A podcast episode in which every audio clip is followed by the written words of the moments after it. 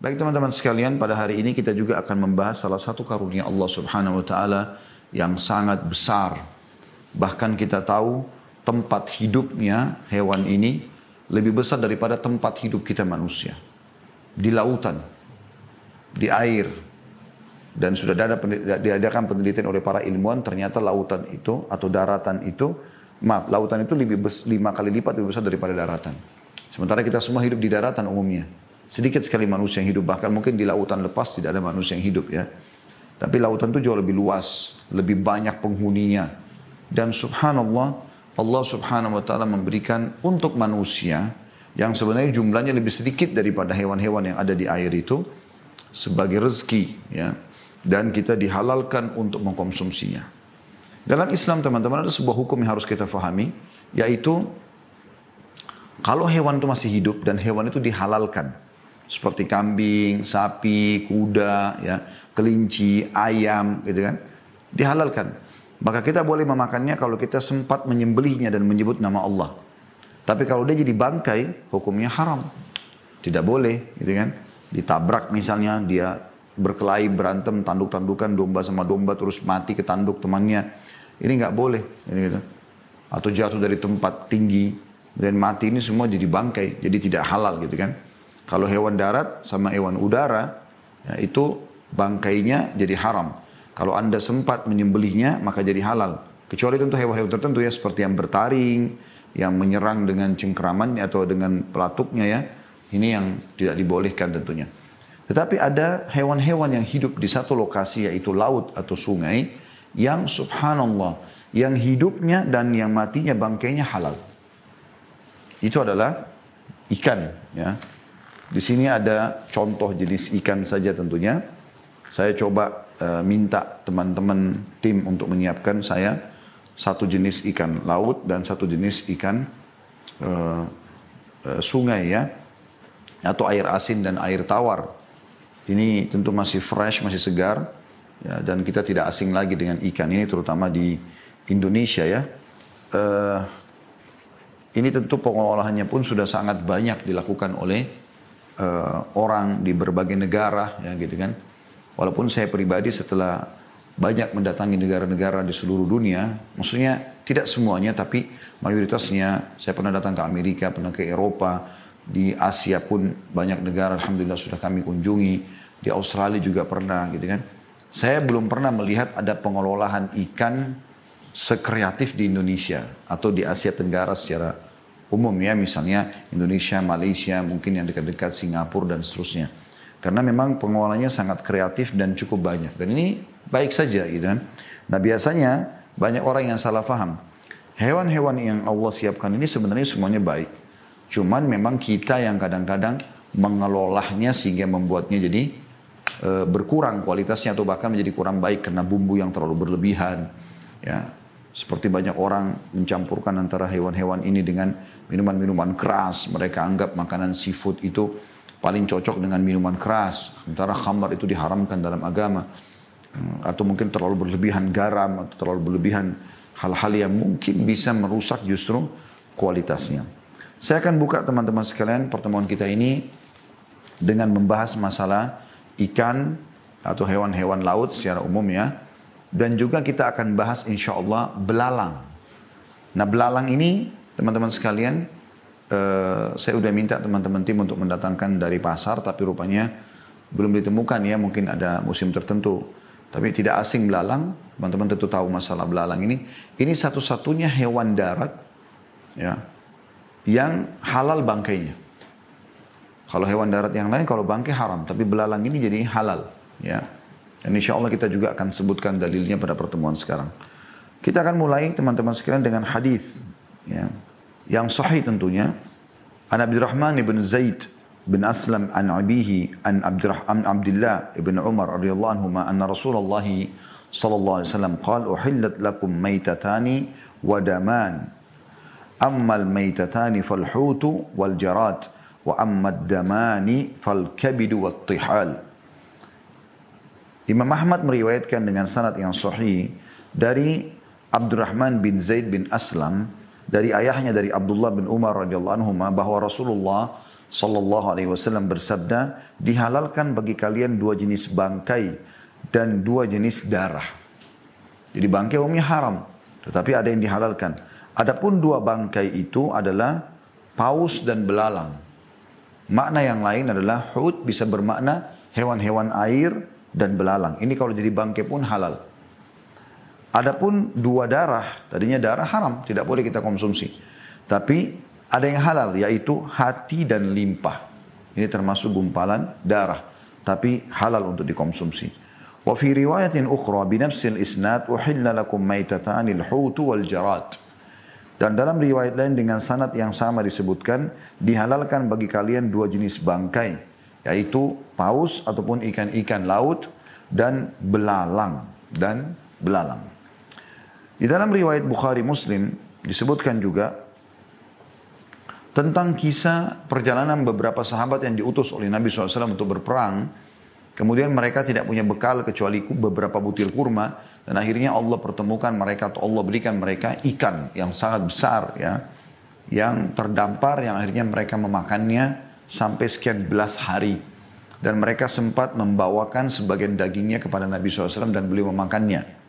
Disebutkan dalam riwayat Bukhari an Musaddad bin ya an Musaddad an Yahya an Abi Juraij قال أخبرني عمرو أنه سمع جابرا رضي الله عنه يقول غزونا جيش الخبط وأمر أبو عبيدة فجعنا جوعا شديدا فألقى البحر حوتا ميتا لم نرى مثله من قبل.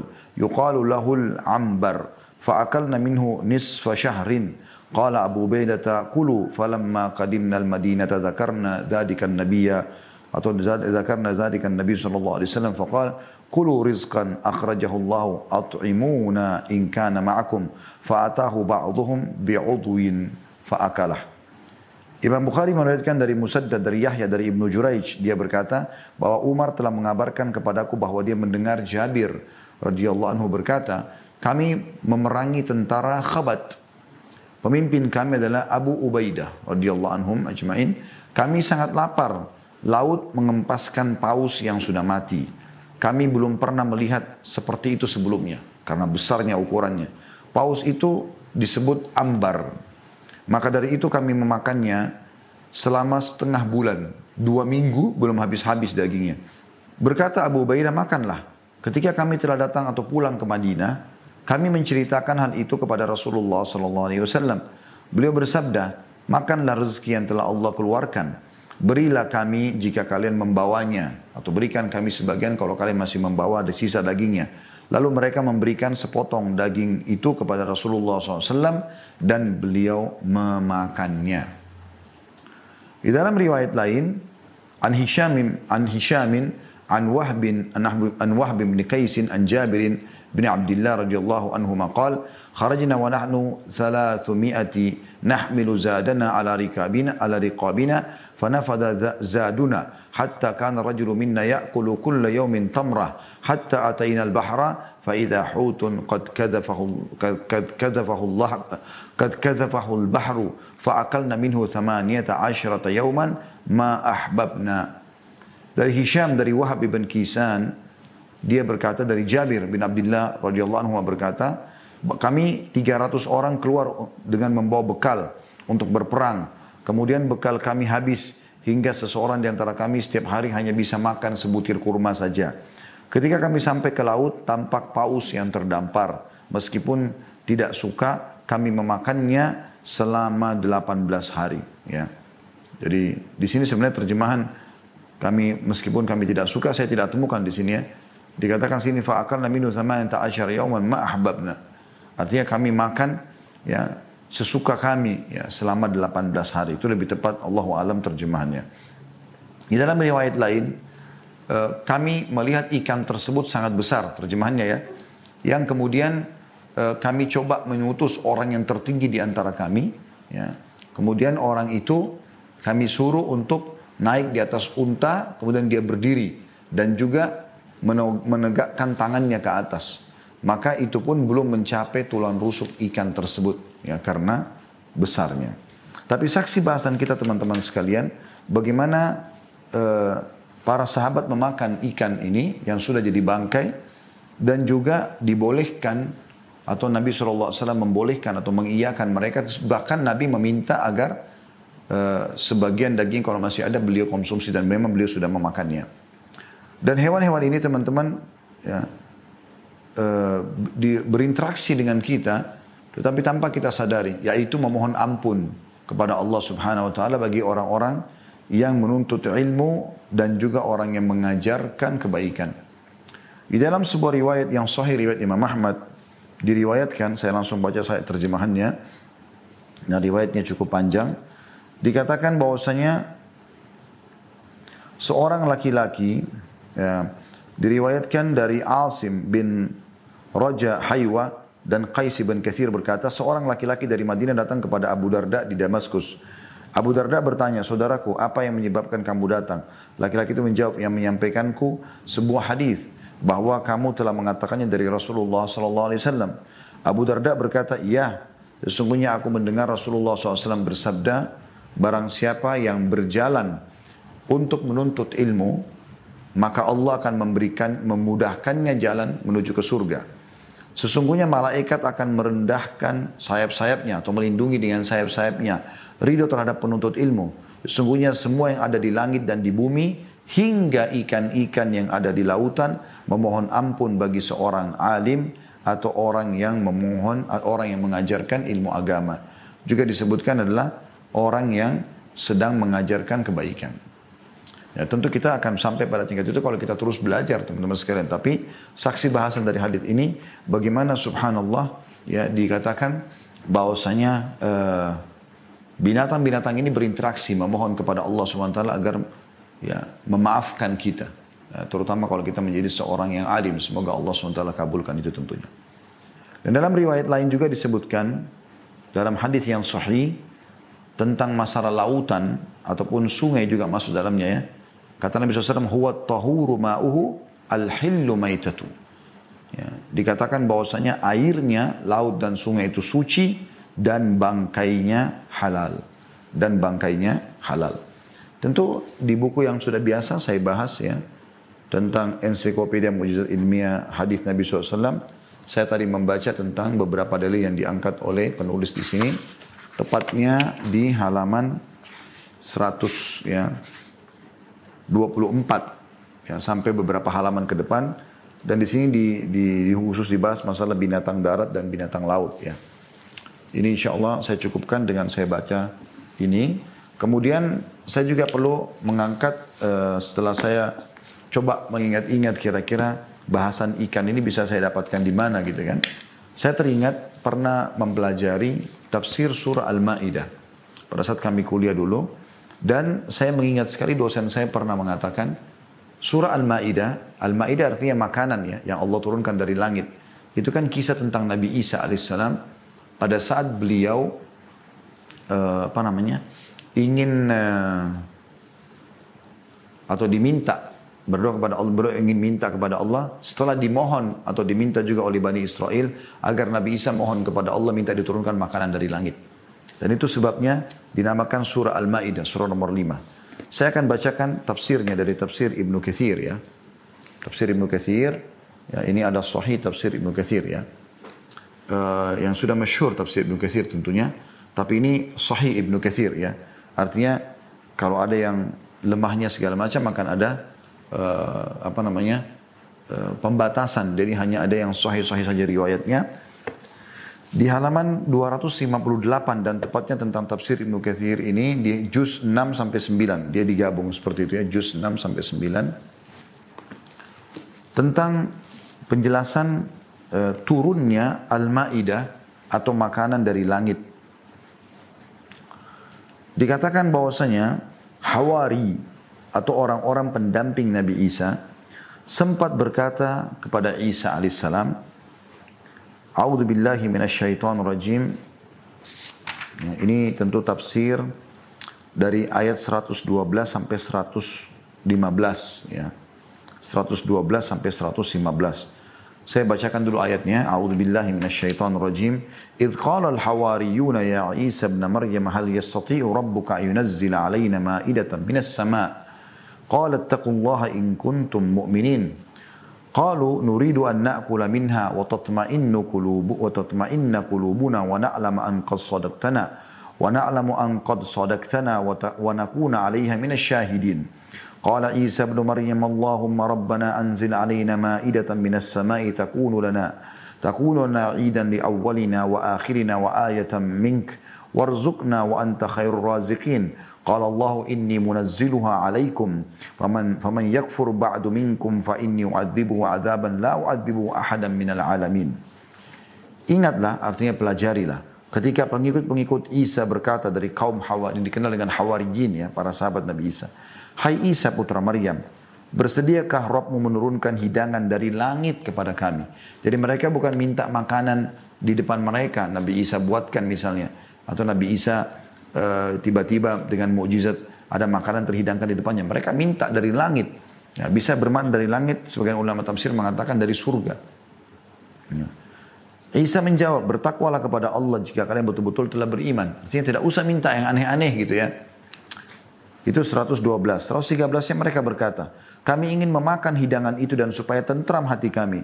Dan supaya kami yakin bahwa kami telah berkata benar. Engkau telah berkata benar kepada kami dan kami menjadi orang-orang yang menyaksikan hidangan itu. Maksudnya kami akan berikan kesaksian nanti hari kiamat di depan orang-orang benar kami pernah mendapatkan makanan dari langit. 113. 114-nya Isa putra Maryam pun berdoa, "Ya Rob kami, turunkanlah kiranya kepada kami suatu hidangan dari langit yang hari turunnya akan menjadi hari raya bagi kami, yaitu bagi orang-orang yang bersama kami dan yang datang sesudah kami dan menjadi tanda bagi kekuasaan Engkau." Beri rezekilah kami dan engkau lah pemberi rezeki yang paling utama. Al-Maidah 114. Dari di sini teman-teman, ini sebab dinamakan surah Al-Maidah. Ya. Surah Al-Maidah dari sini, dari kejadian ini. Kemudian 115 nya Allah berfirman, Sesungguhnya aku akan menurunkan hidangan itu kepadamu. Barang siapa yang kafir di antara kamu sesudah turunnya hidangan itu, sesungguhnya aku akan menyiksanya dengan siksaan yang tidak pernah aku timpakan kepada seorang pun di antara umat manusia. Al-Maidah 115. Nah sekarang penjelasannya yang saya ingin titip beratkan, saya tidak sedang membahas tafsirnya uh, secara umum ayat ini, ayat, ayat ini, tapi saya sedang ingin menitik beratkan apa sih Ma'idah itu? Apa makanan yang Allah turunkan dari langit? Itu yang saya ingin titip beratkan. Nah setelah Hawariyin meminta makanan tersebut ya, maka disebutkan tafsirnya Ibnu Abi Hatim berkata, kata beliau di halaman 260, Meriwayatkan juga dari Ibnu Abbas radhiyallahu anhu bahwa orang-orang mengatakan kepada Isa putra Maryam, berdoalah kepada Allah agar menurunkan pada kami hidangan dari langit. Ya. Maka para malaikat turun dengan membawa meja besar yang di atasnya terhidang tujuh ikan besar.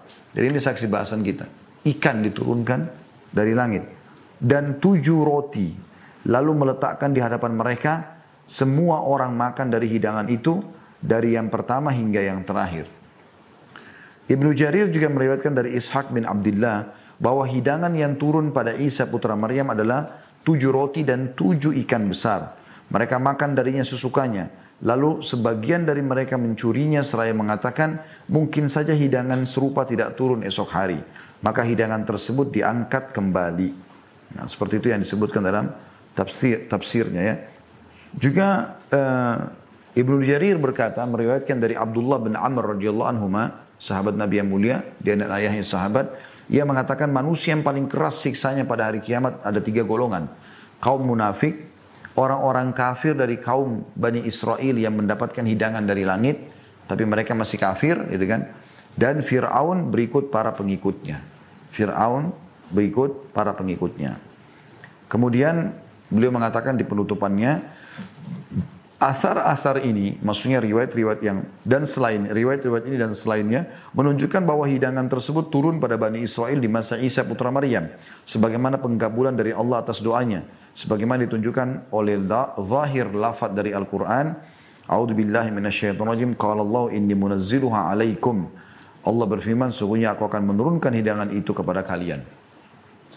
Kemudian Ibnu Katsir mengangkat sebuah uh, di sini judulnya peristiwa sejarah yang unik apa itu?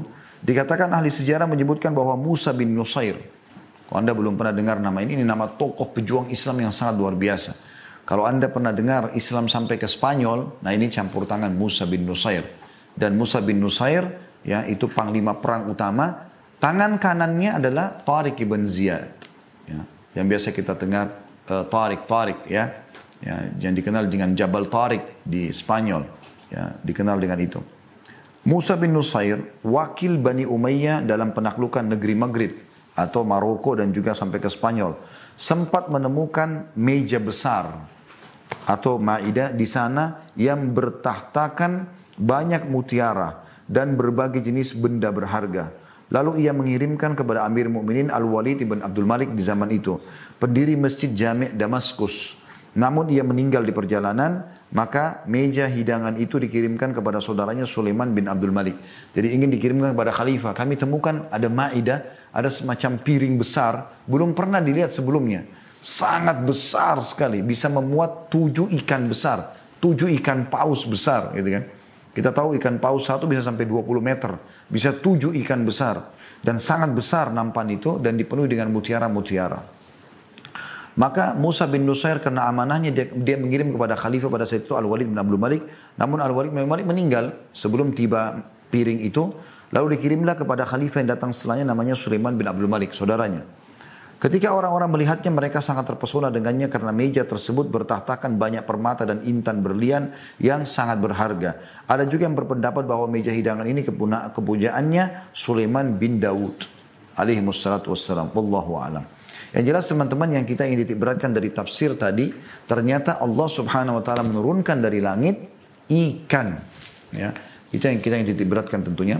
Kemudian teman-teman sekalian, Eh, juga ada sebuah hadis tentang masalah surga ya.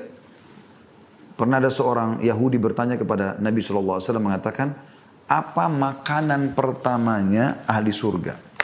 Apa makanan pertamanya ahli surga? Maka jawaban Nabi SAW, hati ikan. Mungkin kita uh, berpikir hati ikan, gitu kan? Ada apa dengan hati ikan gitu? Ya.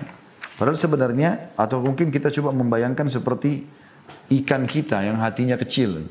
Keliru, bukan seperti itu. Tapi memang ikan atau hati ikan yang sangat besar yang dikelola ya dengan luar biasa karena Allah SWT berikan ahli surga makanan yang memuaskan mereka tidak lagi amis, tidak lagi kotoran ya dan tidak lagi proses kita harus membersihkan seperti ikan-ikan kita di dunia yang harus kita seperti ini mungkin masih amis ya masih kotor kita harus bersihkan, kemudian kita kelola dulu, dikeluarkan kotoran-kotoran dari perutnya, baru kemudian kita menggorengnya atau membakarnya atau merebusnya ya. Tapi di surga sudah jadi hidangan tersebut. Ya.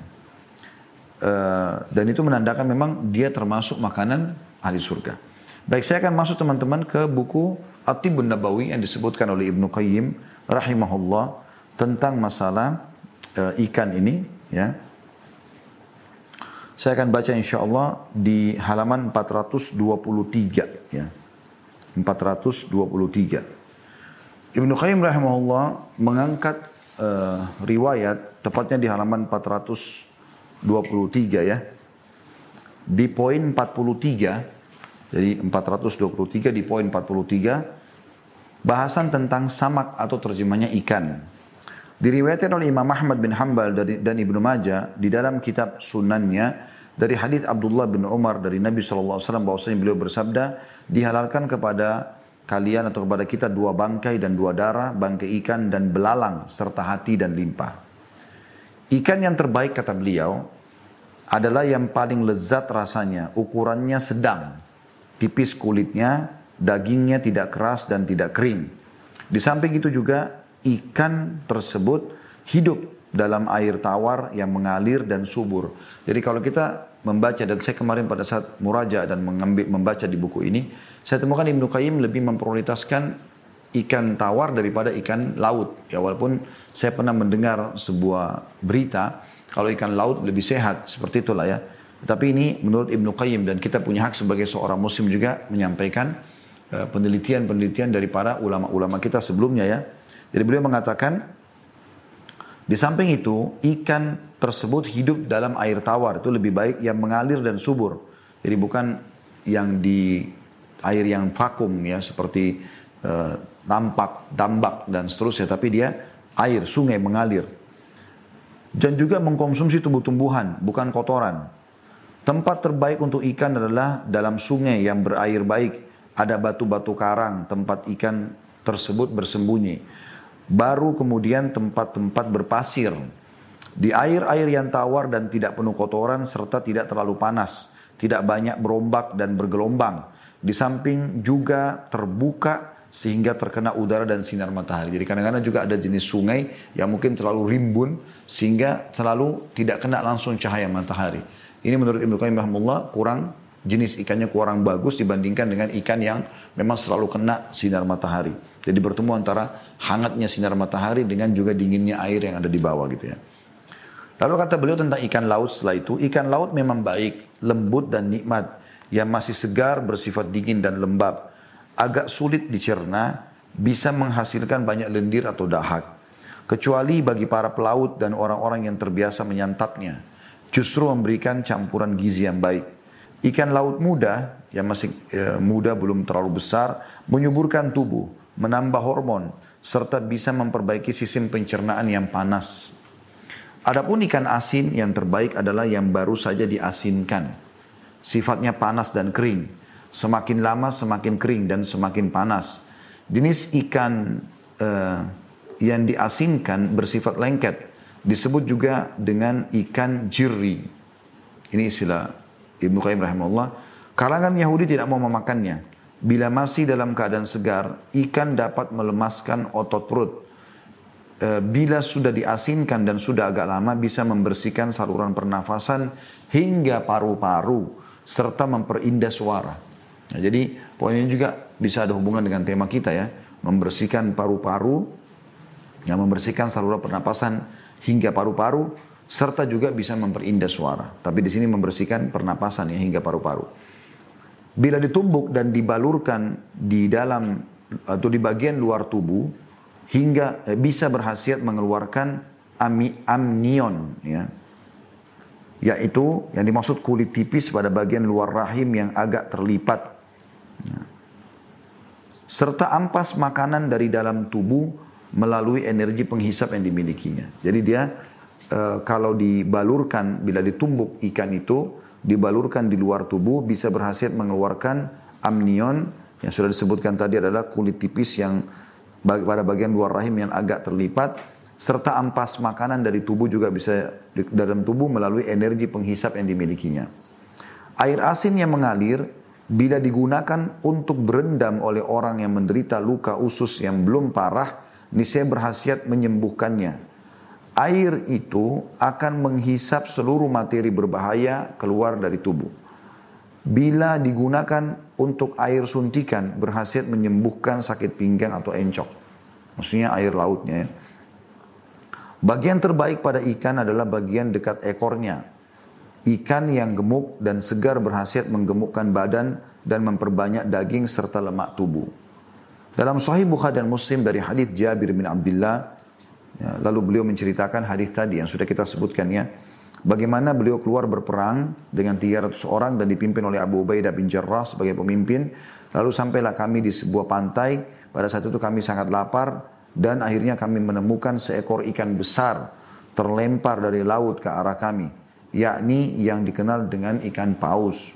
Selama setengah bulan kami menyantap ikan tersebut, bahkan kami menjadikan lemaknya sebagai lauk serta eh, sehingga tubuh kami menjadi kuat.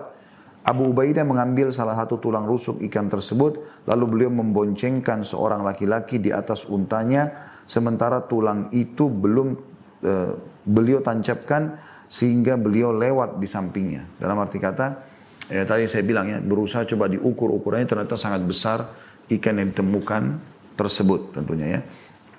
Dan ini teman-teman sekalian, apa yang disebutkan oleh Ibnu Qayyim rahimahullah berhubungan dengan masalah ikan atau samak ya, atau samak ya. Dan insya Allah teman-teman sekalian ini yang kita bahas pada pertemuan kita sekarang. Masalah ikan dengan sedikit informasinya.